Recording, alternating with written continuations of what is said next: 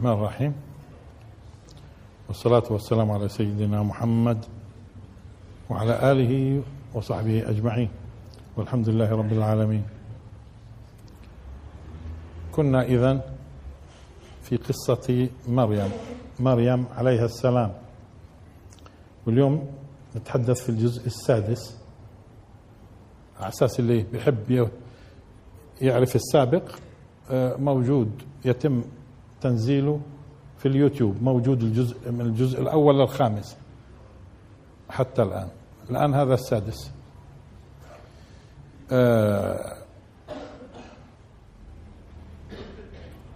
كنا في في المرة الماضية وصلنا. قال إني عبد الله. لأن فأشارت إليه. مش هيك؟ قالوا كيف؟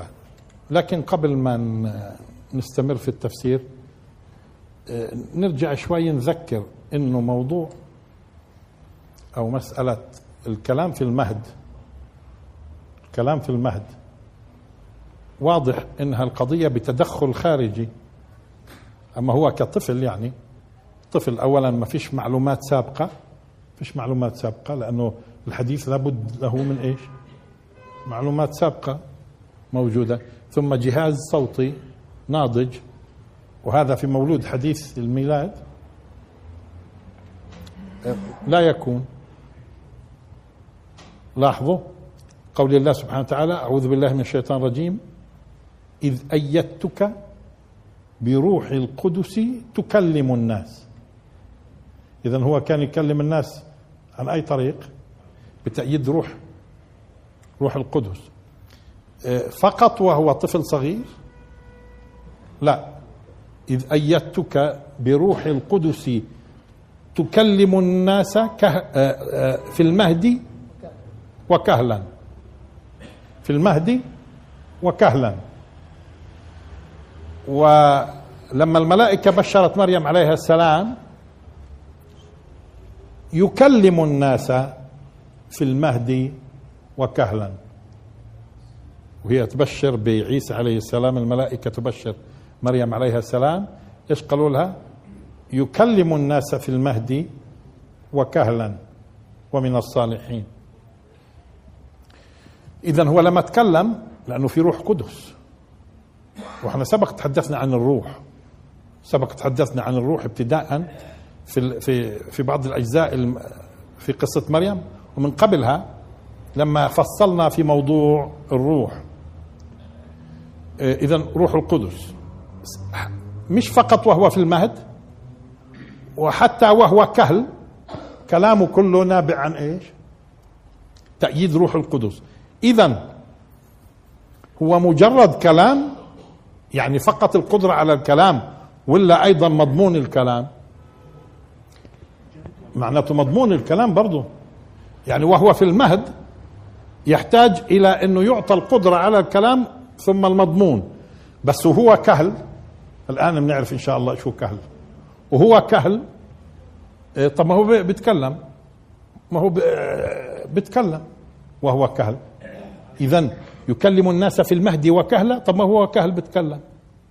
معناته هون معناته هون الكلام يتعلق بإيش؟ بالوحي. يتعلق بالوحي وفي الكلام اللي فيه آه، وعظ الناس وتبيان الحق للناس. اذا مش مجرد مجرد الكلام. اذا حتى وهو في المهد حتى وهو في المهد مش فقط المسألة مسألة إنه تكلم.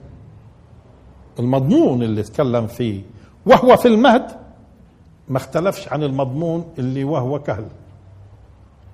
وهو في المهد تكلم بكلام النبوة والأنبياء وهو كهل. تكلم كلام النبوة والأنبياء. وهو كهل. آه اذا تك تكلم الناس في المهد وكهلا. طب إيش الكهل؟ إيش الكهل؟ باختصار هو الكهل اللي اكتمل قوته وشبابه. اللي اكتملت قوته وشبابه وبدأ يغادر في اتجاه إيش؟ الشيخوخة بدأ يغادر في اتجاه الشيخوخة وهذا بأخذ مدى.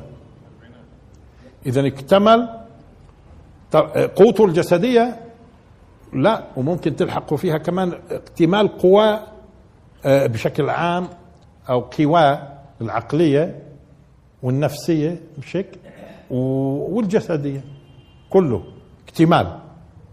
اكتمال. ولذلك إذا بتلاحظوا لما نيجي نقول فلان أثقل كاهله مثلا الديون الديون أثقلت كاهله إيش يعني؟ طب وين كاهله على فكرة؟ وين الكاهل؟ تيجي عندي شوية؟ عندي عندي. ماشي. هذا الكاهل. هنا. يعني الآن أدنى الرقبة.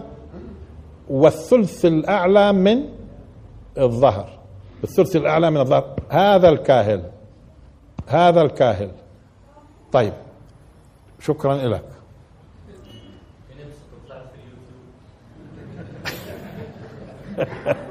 طيب. آه عرفنا الكاهل؟ طيب. ليش سمي كاهل؟ ليش سمي كاهل؟ إذا بتلاحظوا زمان العتاتلة الع... إيش العتاتلة يعني اللي كانوا يحملوا الأثقال وينقلوها. وين غالبا بيوضعوا الأثقال هاي؟ على الكاهل ب... مش على الظهر حتى. بالذات الكاهل اللي هو عنده معناته الكاهل لأنه فيه قوة واستحكام قوة واستحكام سمي كاهل. والأثقال وين كانت ترفع دائما لما بدهم يرفعوها العتاتله العتال. بيرفعها في الكاهل. يعني بوضعها على الكاهل وبيمشي فيها. ما بتلاحظوا؟ إنه أسهل طريقة لحمل الأثقال وين؟ الكاهل. اذا هو ليش سمي كاهل؟ اذا فعلا هو آه، آه، فيها معنى القوة والاستحكام. فيها معنى القوة والاستحكام. تمام؟ اذا آه، طب إيش معناته الكهل معناته اللي بلغ قلنا بلغ القوة والشباب واستحكم سواء في بنيته الجسدية أو العقلية والنفسية. هذا بسموه كهل. مع إنه إحنا بنستخدمها هذا في اللغة مع إنه إحنا بنستخدمها أصلا في في واستخدامنا مش بالضرورة يكون دقيق نستخدمها في الكبير في السن. يعني بنعتبر إحنا الشيخ الشيخ أصغر من الكهل. كلمة كهل لحد الآن بتلقي في أذهاننا وكأنه إيش؟ تسعيني. طاعن في السن. لا. لا. هذا من تحريف المعاني عبر الأجيال. بس إحنا دائما لما بدنا نفسر بدنا نرجع للمعنى الأساسي في اللغة. في عصر الرسول شو كان بيعني؟ دائما هاي تطور الدلالات.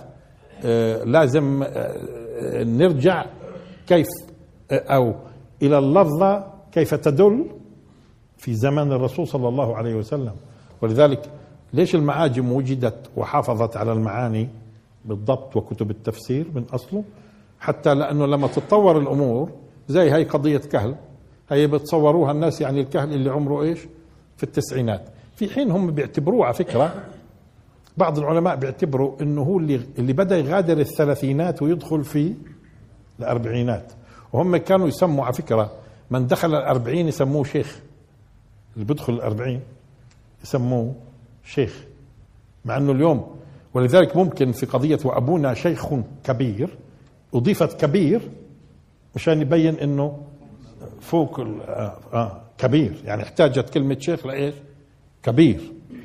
مع أنه الشيخوخة ومش الشيخوخة والمسائل هاي إحنا اليوم في أذهاننا بتعطي صورة مختلفة. فالكهل أصغر أصغر أصغر من الشيخ. بس الكهل بدأ يدخل في مرحلة الشيخ يعني اللي هو الأربعينات. أه, أه؟ هذا الكهل. أه ومعروف أو مشهور يعني بغض النظر هو صحيح ولا لا.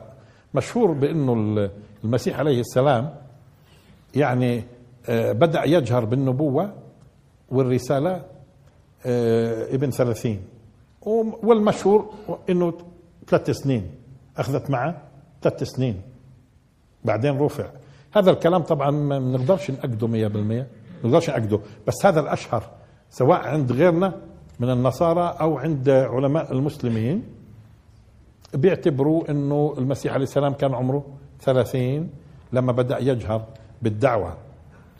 آه، بعض العلماء بيعتبر إنه هو نبي من أول يوم. قال إني عبد الله. آتاني الكتاب وجعلني نبيا. وهي بتكلم بالوحي. هي بتكلم بالوحي وببلغ. وهو طفل. في فذهب البعض. طبعا مش قضية مهمة كثير. إنه حتى هو يعني آه، نبي من أول يوم. تمام؟ ولذلك يكلم الناس في المهد وكهلا يعني كلامه في المهد زي كلامه وهو. لاحظوا اذا القضية مش قضية النطق فقط. لا. معناته المضمون اللي بتكلم فيه وهو في المهد والمضمون اللي بتكلم فيه وهو كهل عرفنا الآن كهل تمام؟ يعني لما بدخل في الثلاثينات ماشي ممكن نقول كهل. ابن الثلاثينات على فكرة. كهل تمام؟ آه المضمون نفسه وهو في المهد وهو كهل. طيب. وبعض الناس قال بالله ممكن يكون لأنه كمان برد ينزل. ويكلم الناس وهو أيضا كهل. بيكلمهم بإيش يعني؟ يكلمهم بالرسالات. يكلمهم بكلام الوحي. أما مش مجرد الكلام. طيب. هون بكفي هاي في موضوع يكلم الناس في المهدي وكهلا. آه كنا في الم... آه آه شيخ بس مع السريع على السريع.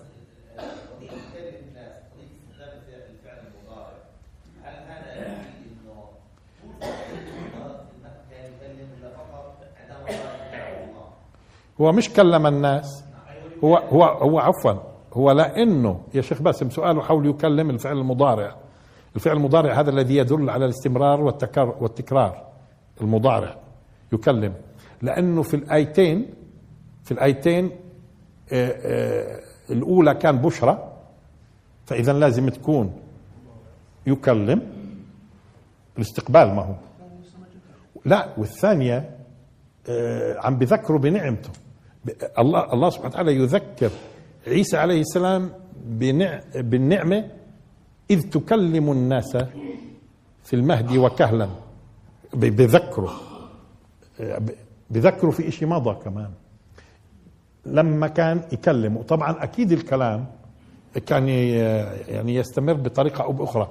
أما مدى استمرار بعضهم بيقول أنه تكلم في المهد بما هو يلزم ثم انقطع. حتى تم فيما بعد آه، آه، اختياره آه، نبي أو ورسول طبعا فيما بعد. طب بينهن إذا بتلاحظوا بينهن حتى عند النصارى تاريخ المسيح عليه السلام مجهول. مجهول من من من بداية الميلاد لعند ما أصبح يعني يجهر بالرسالة. عند عند النصارى فترة بسيطة فقط إنه عندهم إنه يوسف النجار اللي هو قال خطيب مريم ذهب فيها إلى مصر ذهب فيها إلى مصر عبين ما أصبح في أمن وما عادش الملك هيرودس معني بقتل الأطفال رجع. هيك عندهم يعني. أما إنه راح لمصر إحنا فيش عندنا إثبات آه إنه ذهب إلى مصر. تمام؟ أما هم بيذكروا إنه ذهب فر. بمريم وعيسى عليه السلام إلى مصر عبين ما أصبحت البلاد آمنة رجع. وأنه كله كان هذا يأتيه يعني يأتيه كلام الملك في المسألة في الخروج وفي الرجوع. هذا عندهم. بس فعلا بلفت الانتباه إنه في فترة زمنية مجهولة. وهذا أصلا عندنا إحنا في القرآن هذا أصلا في كل الأنبياء. ما ما بنعرف الأنبياء تقريبا إلا هم أصبحوا أنبياء. ما عدا موسى عليه السلام في أكم من محطة هكذا. محطة لما كان هو طفل صغير محطة لما كان كبير. وبين صغير وكبير برضه مجهولة. ما كل الأنبياء بهذه الطريقة مش قضية. إيش التفاصيل كانت؟ ولذلك ما فيش بفيدناش كثير إنه نيجي نقول طيب استمر الكلام من من وقت المهد إلى آه، الكهولة. عبين ما رفع وهو يكلم الناس بالدين ممكن آه ممكن لا. ممكن بق فقط. هون وهون وهون مثل هون حتى وهو طفل لأنه روح القدس اللي كان يجعله يتكلم. ما فيش فرق اذا سواء كان في المهد أو وهو عليه السلام كهلا طيب الآن. قلنا إنه بتذكروا في آخر الدرس الماضي إنه المسيح عليه السلام كان له ثلاث إعلانات. ثلاث إعلانات اعلنهن راح نلاحظ إنه في إعلان وهو طفل في المهد وإعلان وهو رسول وإعلان قبل أن ينزل. ثلاث إعلانات موجودات في سورة مريم. نشوف نشوف. فأشارت إليه قالوا كيف نكلم من كان في المهد صبيا؟ قال هي أول إعلان. قال إني عبد الله. آتاني الكتاب وجعلني نبيا. وجعلني مباركا أينما كنت. وأوصاني بالصلاة والزكاة ما دمت حيا. وبرا بوالدتي ولم يجعلني جبارا شقيا. والسلام علي. يوم ولدت ويوم أموت ويوم أبعث حيا. هذا لما تيجي تدرسها الآن مش وقته. واضح إنه فيها ردود على كل المزاعم المزاعم اللي راح تأتي من إنه فيما بعد يكون يزعم أنه إله أو ابن الإله والتفاصيل هاي كلها هذا الإعلان ممكن لوحده يدرس لوحده وكيف لاحظوا أول أول كلام إيش؟ إني عبد الله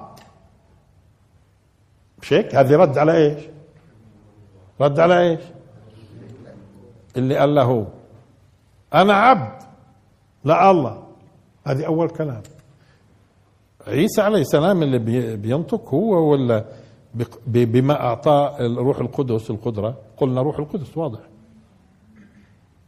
طيب هذا أول إعلان. طب الإعلان الثاني الآن بدي أقرأ لكم آيات وتلاحظوا لي في شيء غريب.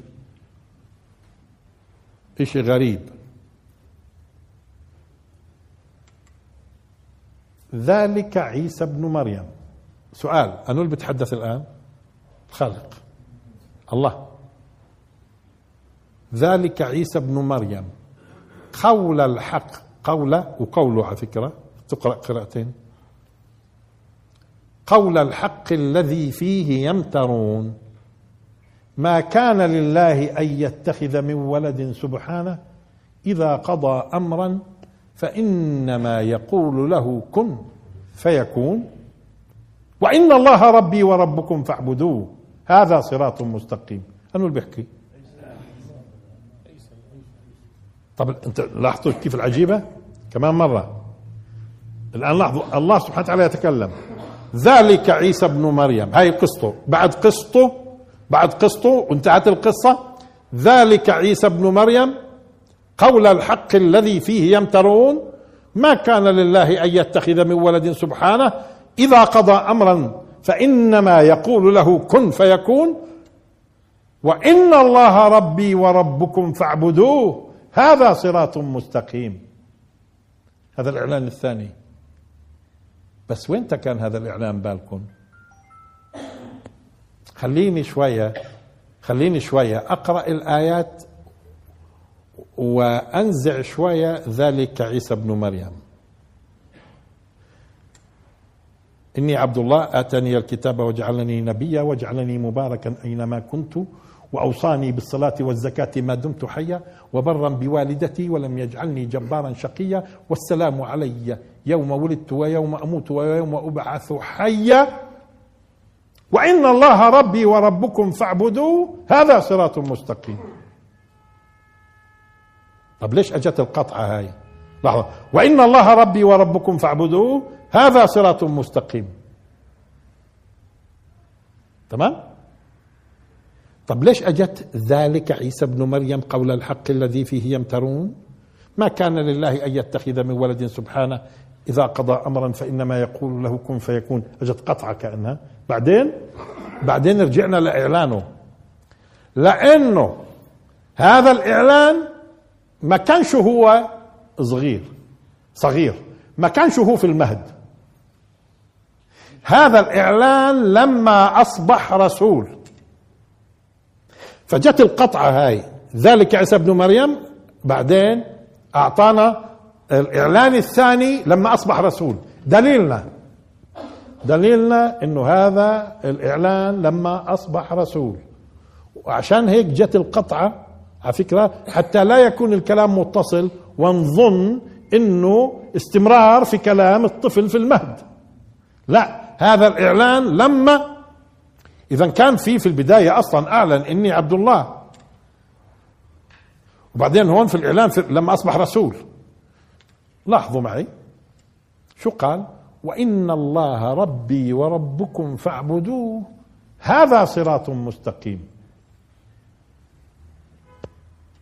هذا ورد في القرآن لاحظوا ثلاث مرات الكلام ثلاث مرات في سورة آل عمران في سورة مريم في سورة الزخرف. الزخرف بس بس فيش غيرهم. الآن بدنا نثبت أنه اللي في سورة مريم اللي قرأناها الآن هذا إعلان المسيح عليه السلام في مرحلة الرسالة مش وهو طفل. ولذلك أجت القطعة هاي.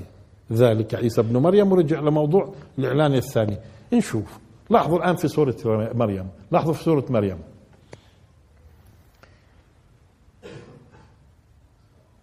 آه إن الله ربي مين اللي بيتكلم؟ عيسى عليه السلام. عيسى عليه السلام. شو قبلها بقول فاتقوا الله وأطيعون إن الله ربي وربكم فاعبدوه. هذا صراط مستقيم. هذا وين؟ في سورة مريم. آل عمران. لما أجى شو قال؟ فاتقوا الله وأطيعون. ان الله ربي وربكم فاعبدوه.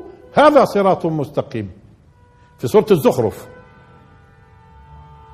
بجيبش الآيات من أولها. فاتقوا في الزخرف الآن. لمين اللي بيتكلم؟ المسيح وهو رسول. في, في آل عمران كان رسول. وفي سورة الزخرف رسول. شو بقول؟ فاتقوا الله واطيعون إن الله هو. بس هون هون في هو. إن الله هو ربي وربكم. فاعبدوه. هذا صراط مستقيم. واللي في سورة مريم؟ وإن الله ربي وربكم فاعبدوه هذا صراط مستقيم. طالما إنه الثنتين هناك في سورة آل عمران وفيش غيرهم هذول الثلاث في القرآن كله اللي في آل عمران المسيح وهو رسول يقولها وفي الزخرف المسيح وهو رسول يقولها وهون معناته هذه الإعلان الثاني اللي قالوا وهو إيش؟ رسول. ولاحظوا كمان الشيء اللافت للانتباه. إنه شو بيجي بعدها مباشرة في سورة مريم؟ فاختلف الأحزاب من, بي من بينهم فويل للذين كفروا من مشهد يوم عظيم. هذا وين؟ في مريم. طب شوف الزخرف. فاختلف الأحزاب من بينهم فويل للذين ظلموا من عذاب يوم أليم. فيش غيرهم في القرآن. فاختلف الأحزاب من بينهم. فويل للذين. التعقيب على آيتين إذا معناته اللي في الزخرف هي اللي في مريم. واللي في آل عمران هي اللي في مريم وفيش شيء رابعة. تمام؟ إذا هذا الإعلان الثاني لما أصبح المسيح إيش؟ نبي ورسول. شو عرفنا أنه كان وقتها رسول؟ لأنه سياق آل عمران كان رسول وسياق الزخرف كان رسول. مثلا وجئتكم بآية لحظة وجئتكم بآية من ربكم فاتقوا الله وأطيعون إن الله ربي وربكم فاعبدوه. هذا صراط مستقيم. أيها رسول وجئتكم بآية من ربكم أيها رسول هذا الإعلان إيش؟ الثاني. أما هو القرآن يتميز في هذا الأسلوب الآن بدناش نخوض في هذه المسألة. خلينا في الإعلان الثالث. أما طبعا بتميز القرآن وكثير في القرآن مثل هذا الكلام. لاحظوا الآن الإعلان الثالث وراح تجدوه إنه عجيب. عجيب فعلا. كيف؟ تلك تلك الجنة التي آه، نورث من عبادنا من كان تقيا. مين اللي يتكلم؟ هذا في سورة مريم كمان. تلك الجنة التي نورث من عبادنا من كان تقيا. مين اللي يتكلم؟ نورث. تلك الجنة التي نورث مين اللي يورث؟ من عبادنا من كان تقيا. وما نتنزل إلا بأمر ربك. له ما بين أيدينا وما خلفنا وما بين ذلك وما كان ربك نسيا. مين اللي يتكلم؟ ما تلاحظوا نقلة عجيبة؟ بيكون لحظة تلك الجنة التي نورث من عبادنا من كان تقيا؟ انتهت الآية. وما نتنزل إلا بأمر ربك. له ما بين أيدينا وما خلفنا وما بين ذلك وما كان ربك نسيا. مين اللي يتكلم؟ وذاك احتاروا المفسرين مين اللي يتكلم.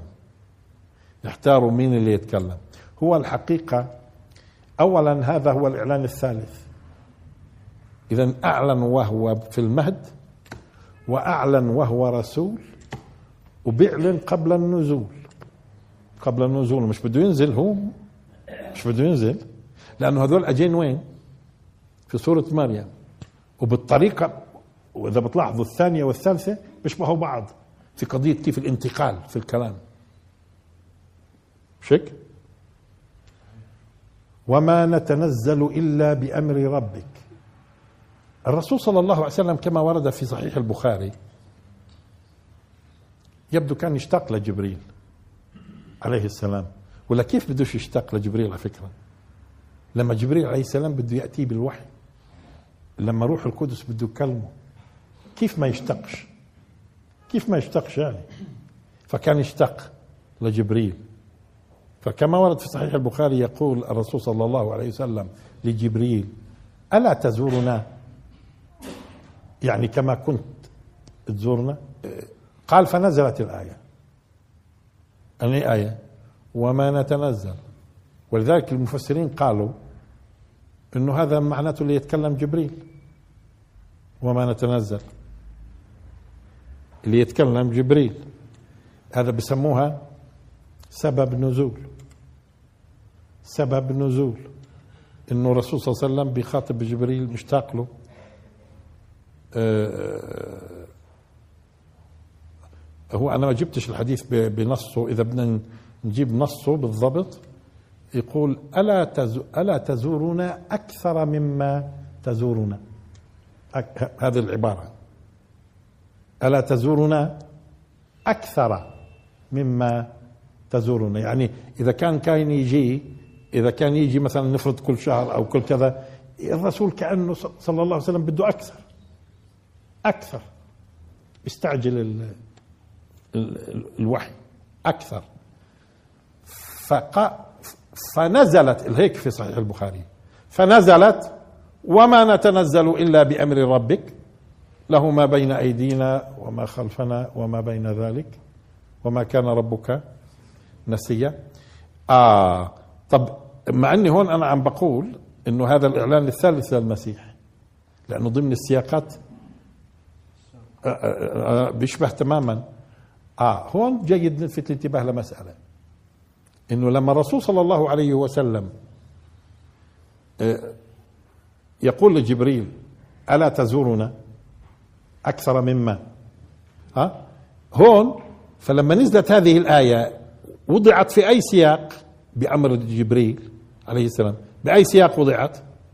في سياق اللي له علاقة بقصة مريم. طيب هذا السياق اللي بيعلن فيه المسيح عليه السلام عن قضية تنزله إنه راح ينزل. آه.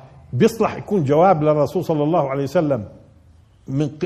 إنه آه بالنسبة لجبريل. ما هو جبريل أيضا جبريل أيضا لا ينزل إلا بأوامر ربانية وما نتنزل إلا بأمر ربك. والمسيح عليه السلام لا يتنزل إلا بأمر الله. فلذلك هي هذا يعني لما يقولوا إنه هذا سبب نزول هذا لا يعني إنه المتكلم جبريل عليه السلام. وإنما يعني إنه هذه الآية تصلح تصلح لإعطاء الرسول صلى الله عليه وسلم فكرة إنه لا يكون تنزل لا يكون تنزل إلا بأمر الله سواء جبريل أو غير جبريل. لكن بما أنه السياق له علاقة بمريم وعيسى عليه السلام معناته هذا الإعلان اللي بيعلنه عيسى عليه السلام يصلح جواب جبريل لمين؟ للرسول صلى الله عليه وسلم. يصلح. زي ما انت مثلا واحد يطلب منك أمر فترد عليه بآية. يطلب منك أمر فترد عليه بإيش؟ بآية فبيفهم الكلام. يعني ممكن الإجابة بآية ولا مش ممكن؟ حصل. نعم. إنه كثير بيستخدموا المسلمين. أحيانا الردود ردودهم باستخدام آية قرآنية. فلما فجت هذه الآية. لكن العبرة إيش؟ إنه وين وضعت سياقها؟ سياقها سورة مريم. وقبلها بتكون الكلام عن انتهى الكلام عن عيسى. لقدام شوي على فكرة مش كثير آيات قليلة بتيجي هذه الآية. فإذا هون في عندنا اذا إعلانات ثلاث آه ثلاثة. إعلان وهو في المهد إعلان وهو رسول إعلان قبل النزول. وإنه النزول شو بيحتاج؟ إذن. نتنزل واحد ولا أكثر؟ بأمر. إحنا بنقول إلا بإذن؟ آه. لا آه. وما نتنزل إلا بأمر. بأمر ربك. تمام؟ آه خلاص. اذا الله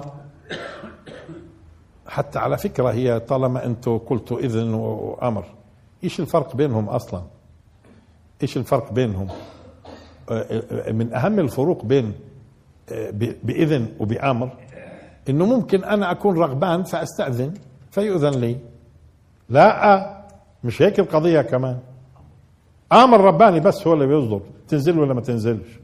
مش رغبتك كمان. مش رغبتك كمان. انتبهتوا الفرق؟ طيب ماشي. انتبهنا الفرق؟ لو قيل ب... إلا بإذن إلا بإذن معناته ممكن يكون مبادرة مني ثم يؤذن لي. لا آه هو ما بيكون إلا بأمر.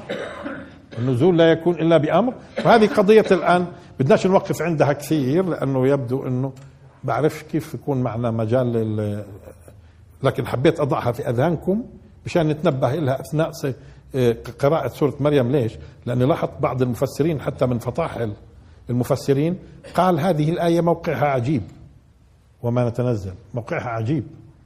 مش قادرين؟ آه لا هذا واضح. ما هي؟ استخدمت قبلها بشوي قبلها بشوي. لما قال آه، وإن الله ربي آه، وربكم فاعبدوه هذا صراط مستقيم بنفس الطريقة. بتقول مين اللي يتكلم؟ وهون مين اللي يتكلم؟ هي اذا هذه أول قضية. القضية الثانية في موضوع وهذا سبق زمان في المسجد الكبير كنا تحدثنا فيها. هو في قضايا كثيرة تحدثنا فيها قديما لعله نعيد الآن آه، تفسيرها لأنه صارت قديمة يعني مضى عليها أكثر من 15 16 سنة لما تحدثنا في المسألة. آه، إنه بدي ألفت الانتباه للتشابه الكبير بين قصة زكريا عليه السلام آه، ويحيى وعيسى عليهم السلام. لاحظوا زكريا عليه السلام الآن يريد ولد. يرثني ويرث من آل يعقوب واجعله ربي رضيا. تمام؟ يا زكريا إنا نبشرك بغلام اسمه يحيى. طب الملائكة بشرت مريم بابن اسمه المسيح عيسى ابن مريم؟ بشرت. لاحظوا هاي زكريا بشر بيحيى التسمية من مين على فكرة؟ من الوحي. فمعناته الاسم له دلالات. والملائكة إيش بشرت؟ أيوه بعيسى اللي هو آه، المسيح عيسى ابن مريم. هي اسمه هون واسمه هون في الوحي. إذ قالت الملائكة يا مريم إن الله يبشرك بكلمة منه اسمه المسيح عيسى ابن مريم. تمام؟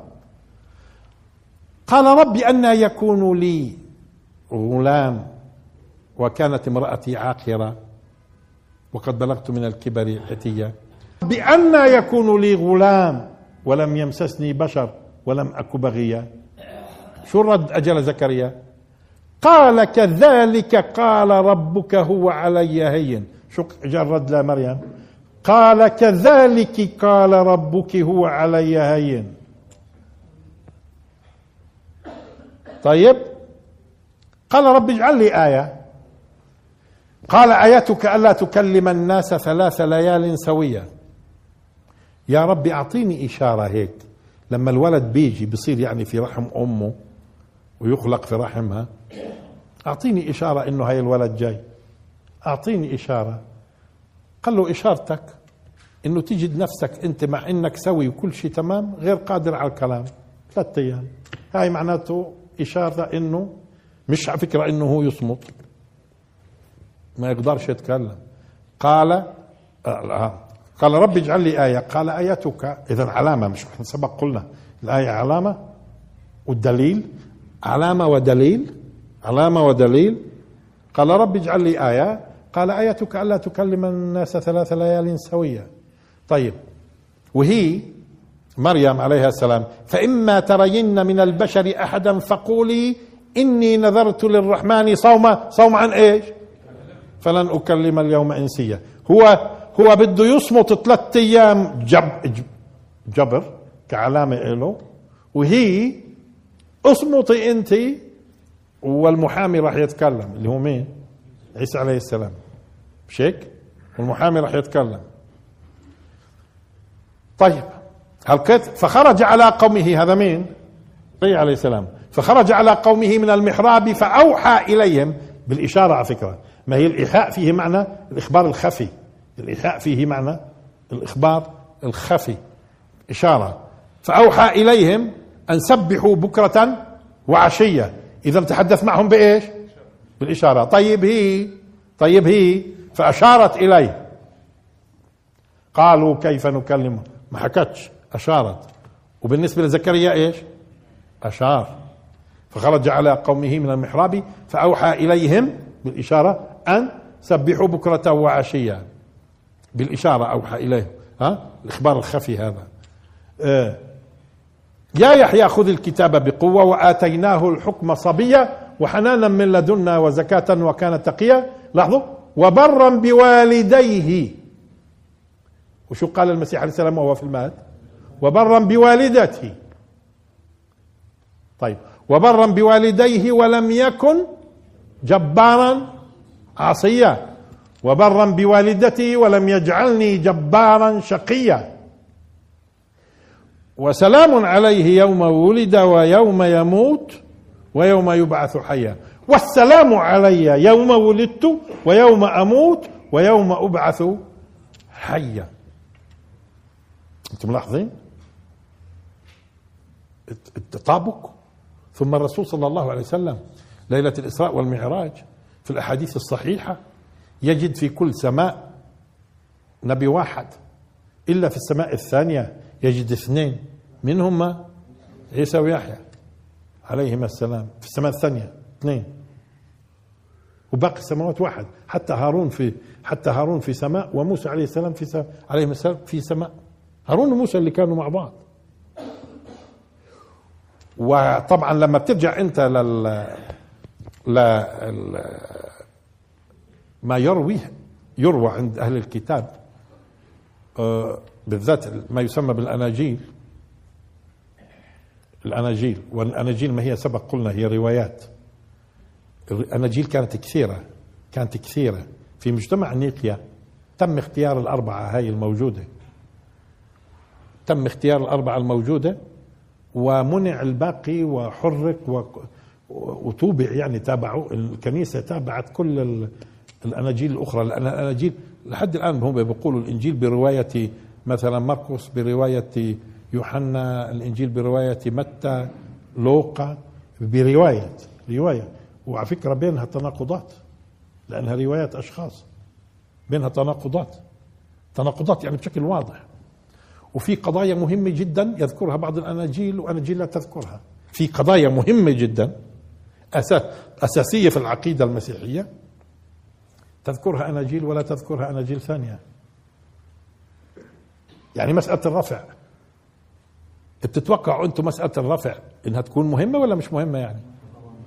طيب في أناجيل بتذكرش الرفع من أصله. في أناجيل بتذكرش الرفع من أصله. وهذا رد عليهم لما بيجي بيقولوا طب ما هي قضية نطقه في المهد مهمة كثير. هم ما ذكروش على فكرة أنه نطق في المهد. هم ما ذكروش. قال احتجوا على المسلمين. إنه طب هذه قضية إنه نطق في المهد كان لازم ترويها الأناجيل.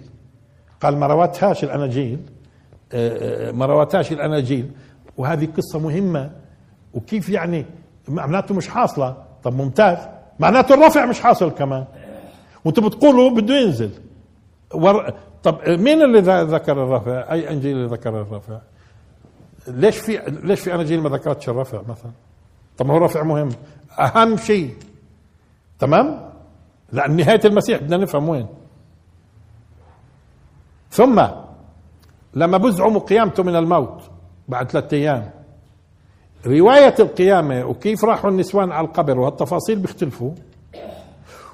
وبعدين إنه ذهب للناصرة ولا ولا رفع من القدس بيختلفوا. طب هاي قضايا مهمة ليش ما بتتفقوا عليها؟ إذ طب اذا اذا طب ما هي الأناجيل كانت كثيرة جدا. أنتوا اللي اخترتوا أنتوا اللي اخترتوا في مؤتمر نيقيا 500 عفوا 325 اخترتوا أربعة وحرمتوا الباقي. وأنا سبق على فكرة. يعني كنت أدرس في آه، دورات تأهيل لمعلمين قديما. قديم يعني من سنين طويلة. دورات دورات صيفية كانت آه، من قبل وزارة التربية. طيب. فيوم أنا بتكلم عن مؤتمر نيقيا وكيف إنه كانت الأناجيل كثيرة هذا أثناء التدريس يعني. فمعلمة مسيحية موجودة في القاعة قالت مش صحيح يا أستاذ. على أساس قلت إنه الأناجيل كانت كثيرة وإنه مؤتمر نيقيا هو اللي اختار بعضها أربعة يعني وحرم الباقي وحوربت الباقي وإلى آخره. فهي قالت لي المعلمة المسيحية اللي في الدورة قالت مش صحيح يا أستاذ. فقلت لها آه والله ممكن ممكن مش صحيح. ممكن مش صحيح. لكن أنا بأجل القضية لبكرة. ما كانت الدورة يعني مستمرة لمدة أشهر كل يوم. أه؟ قلت لها ممتاز بكرة إحنا بنشوف بس أنت من هون لبكرة بتسألي القسيس وبتجاوبيني. من هون لبكرة بتكوني سألت القسيس لأنه ممكن فعلا اللي بقوله مش صحيح. ماشي. ثاني يوم وأنا بدرس ثاني يوم وأنا بدرس إيه، خط انتبهت إنه هي مطنشه البنت المعلمة يعني مطنشه فقلت لها هيك آه صحيح. هو انت سالت القسيس ولا ما سألتيش؟ قالت سألت يا أستاذ كلامك صحيح. طبعا كلامي صحيح لأنه أصلا هذه المعلومات منهم مش من أي. هذه المعلومات اللي بقولها منهم. أنت لو حطيت أصلا على على الجوجل في موضوع مؤتمر نيقيا بتشوف شو يعني مؤتمر نيقيا. هم تجد هم اللي بيكتبوا يعني هم مش غيرهم يعني. هم اللي بيكتبوا. وهم بيكتبوا على الأناجيل اللي حرفت. وعلى أي أساس طب اخترتوا أربعة أنتم حرمتوا الباقي؟ بيجيبوا قضايا أسطورية. إنه ليش اختاروا هاي الأربعة؟ آه، دون غيرها اللي حرمات ولذلك كل يوم الثاني ببين إنجيل على فكرة. كل يوم الثاني يكتشف في الأثار. إذا بتذكروا من كم من سنة اكتشفوا إنجيل اسمه إنجيل يهوذا. ومن زمان كمان على فكرة كان آه، مكتشف آه، إنجيل اسمه برنابا. برنابا. هذا إنجيل برنابا حاربوه على فكرة. حاربوه وحاولوا يقولوا إنه مزيف. هو رواية من هالروايات. أنا بقولش إنه دقيق وصحيح. أنا قرأته كله إنجيل برنابا. وجدت أنه يعني مش بالض... زيه زي باقي الروايات زيه زي باقي الروايات. يعني هو رواية من هالروايات. يعني ممكن فيها صح ولا ولا آه. ولكن ديروا بالكم برنابا بالذات بقول إنه المسيح نبي بقولش اله برنابا بالذات بيرفض الصلب. بيرفض الصلب تماما. برنابا بيذكر اسم الرسول صلى الله عليه وسلم. ولذلك عملوا عملوا على هذا الإنجيل إشكالات أذكر إنه لما كنت أدرس في دمشق زمان وإحنا شباب يعني آه بعثت. بعثت لبيروت في صديق لي وقلت له ابحث لي عن إنجيل برنابا لأنه كان مشهور وقتها في السبعينات في أوائل السبعينات كان مشهور قبل الحرب الأهلية كان مشهور آه، آه، إنه بيروت يعني هي البلد العربي الأول في قضية الطباعه والنشر وحرية النشر والتفاصيل. فقلت له ابحث ابحث لي عن إنجيل برنابا في بدي إنجيل برنابا تصوروا الرجل بحث بحث بحث بحث في بيروت ما وجدش. وبعث قال لي إنه الإنجيل يبدو كل ما بيطبع منه طبعة بيختفي من الأسواق. كل ما يطبع منه طبعة بيختفي في الأسواق. فمش موجود لا ببيروت ولا في غير بيروت. فيوم من الأيام أنا ماشي في شارع من شوارع دمشق لفتت انتباهي يعني مكتبة وقفت أمام فترينة المكتبة وإذا هالكتاب هيك محطوط ومركوز إنجيل برنابا دخلت و آه، ثم طبعناه هون في فلسطين. يعني الطبعات الموجودة على فكرة هي من هذه النسخة اللي جبناها من دمشق. في ذاك الوقت آه، إنجيل برنابا تجد في كل يوم الثاني. وهي في كلام كمان عن تركيا في إنجيل مكتشف في تركيا جديد. طبعا شيء طبيعي ليش؟ لأنه في ناس كانت تهرب بهذه الأناجيل وتخبيها. لأنه تم محاربتها. تم محاربتها. آه، برنابا لا. ما يذكر إنه المسيح نطق في المهد. ما يذكرش ما هو هذا موضوع الآن بديش أناقش برنابا وانت كتب ما هي الاناجيل نفسها وانت كتبت كمان. يعني مثلا يوحنا إنجيل يوحنا. هذا أكيد مش تلميذ. يوحنا ما كانش تلميذ للمسيح. اجى بعده بفتره مثلا يوحنا. في في حين باقي ال باقي ال الاناجيل في في نزاع قوي. إنه هذول المتى مثلا من من التلاميذ ولا لا؟ لوقا من التلاميذ ولا لا؟ مرقس من التلاميذ ولا لا؟ في تفاصيل طويلة في الموضوع. تتفاجأ إنه في من العلماء من يرى ولا واحد تلميذ من هذول. فبالتالي حتى في طب في من تلاميذ المسيح مثلا واحد اسمه برنابا في في واحد تلميذ اسمه برنابا. لكن ممكن واحد على فكرة تجده في في في عصر من العصور المسيحي يكتب باسم برنابا زي ما كتبوا باسم متى. مش هيك مثلا ممكن تجد هيك بهذا تقدر تكتشف أنت إنه فعلا مين اللي بيحكي وفي أي عصر؟ في أي عصر. ليش؟ لأنها هاي سير سير روايات لسيرة المسيح. روايات لسيرة المسيح. ذهب المسيح المكان الفلاني وجد المسيح كذا جاب المسيح كذا. طب وين الإنجيل؟ وين الإنجيل نزل؟ وين الإنجيل نزل من السماء؟ وينه؟ أكيد إذا بده يكون في إنجيل في كلام المسيح وهو يتكلم. إذا نقلوا عنه كلام إذا نقلوا عنه كلام. بيكون أثناء سيرته كيف لما إحنا نتحدث عن سيرة الرسول صلى الله عليه وسلم؟ أثناء السيرة بنجد قرآن ولا بنجدش سيرة. وسيرة الرسول في منها الصحيح لحظة الصحيح والحسن والضعيف والموضوع السيرة ونفس الشيء في الإنجيل. هذه سير فيها ممكن تجد الصحيح والحسن والضعيف. آه ولكن ولكن إذا بدنا نطبق دققوا معي هنا. ولكن إذا بدنا نطبق علم مصطلح الحديث أو أصول الحديث إذا بنطبق علم أصول الحديث على الأناجيل الأربعة بمقاييس العلمية اللي عند المسلمين مش بيطلع حديث ضعيف. مش بيطلع لنا الاربع احاديث ضعيفة أقل من ضعيفة إذا ما كانتش موضوعة. وفق مقاييس العلمية المقاييس العلمية اللي طبقوها على حديث الرسول صلى الله عليه وسلم. أقدم إنجيل موجود لدينا الآن باللغة اليونانية القديمة. وما كتب أصلا باللغة اليونانية القديمة. إذا مترجم. طب والترجمة؟ دقيقة. ثم مين المترجم؟ وأنو اللي مصادق له على الترجمة؟ ما نعرفش انه ما نعرفش انه المترجم. ما نعرفش انه المترجم. للغة من اللغة اليونانية. ثم لما بترجموا من اللغة اليونانية على فكرة للعربي. لما بترجموا من اليوناني للعربي أنا لاحظت النسخ مش متطابقة. كل مترجم بيترجم بطريقة. النسخ مش متطابقة حتى لما بيترجموا. وفي منهم بيحذف. في منهم بيحذف. وهو يترجم.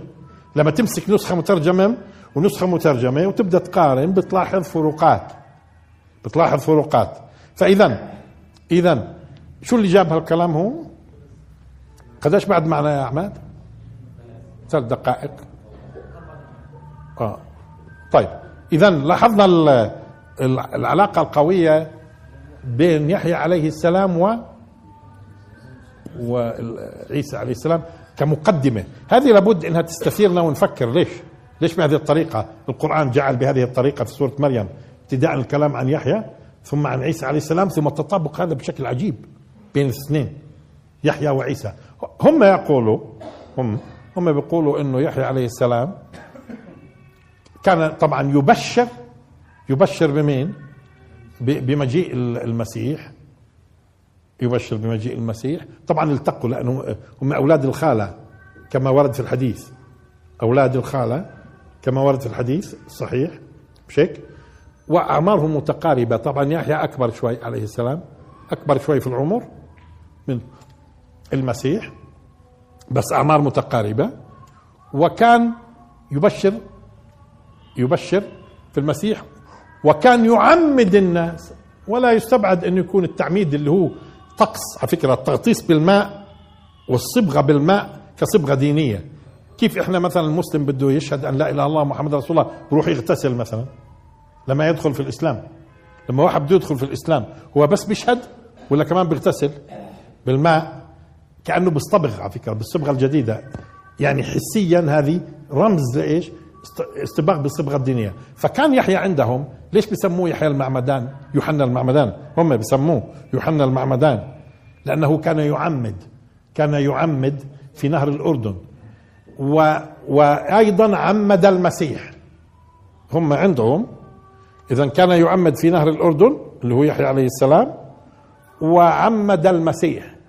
والتعميد عندهم موجود اللي هو تغطيس في المي هاي مشان الصبغة الصبغة الدينية. وموجود أيضا التعميد كما سبق إذا تذكروا حكينا في موضوع آه، آه، آه، الفئة اللي هي اسمها الصابئة. هذه التي تؤمن أن آخر رسول هو يحيى. يعني يحيى عليه السلام يؤمن به الصابئة. وعندهم من أهم الطقوس التعميد اللي بسموه إيش؟ الصبغ. وهم بيلفظوش الغين بيلفظوها همزة بيقولوا الصبغ. لذلك هم الصابغة يعني الصابئة زي ما بيلفظوا هم. هم الصابغة على فكرة. لأنه أهم طقس عندهم إيش؟ اليردنة هذا. اليردنة ودير بالكم هتشوفوا الأردن نهر الأردن واليردنة. فإيش قصتهم هم؟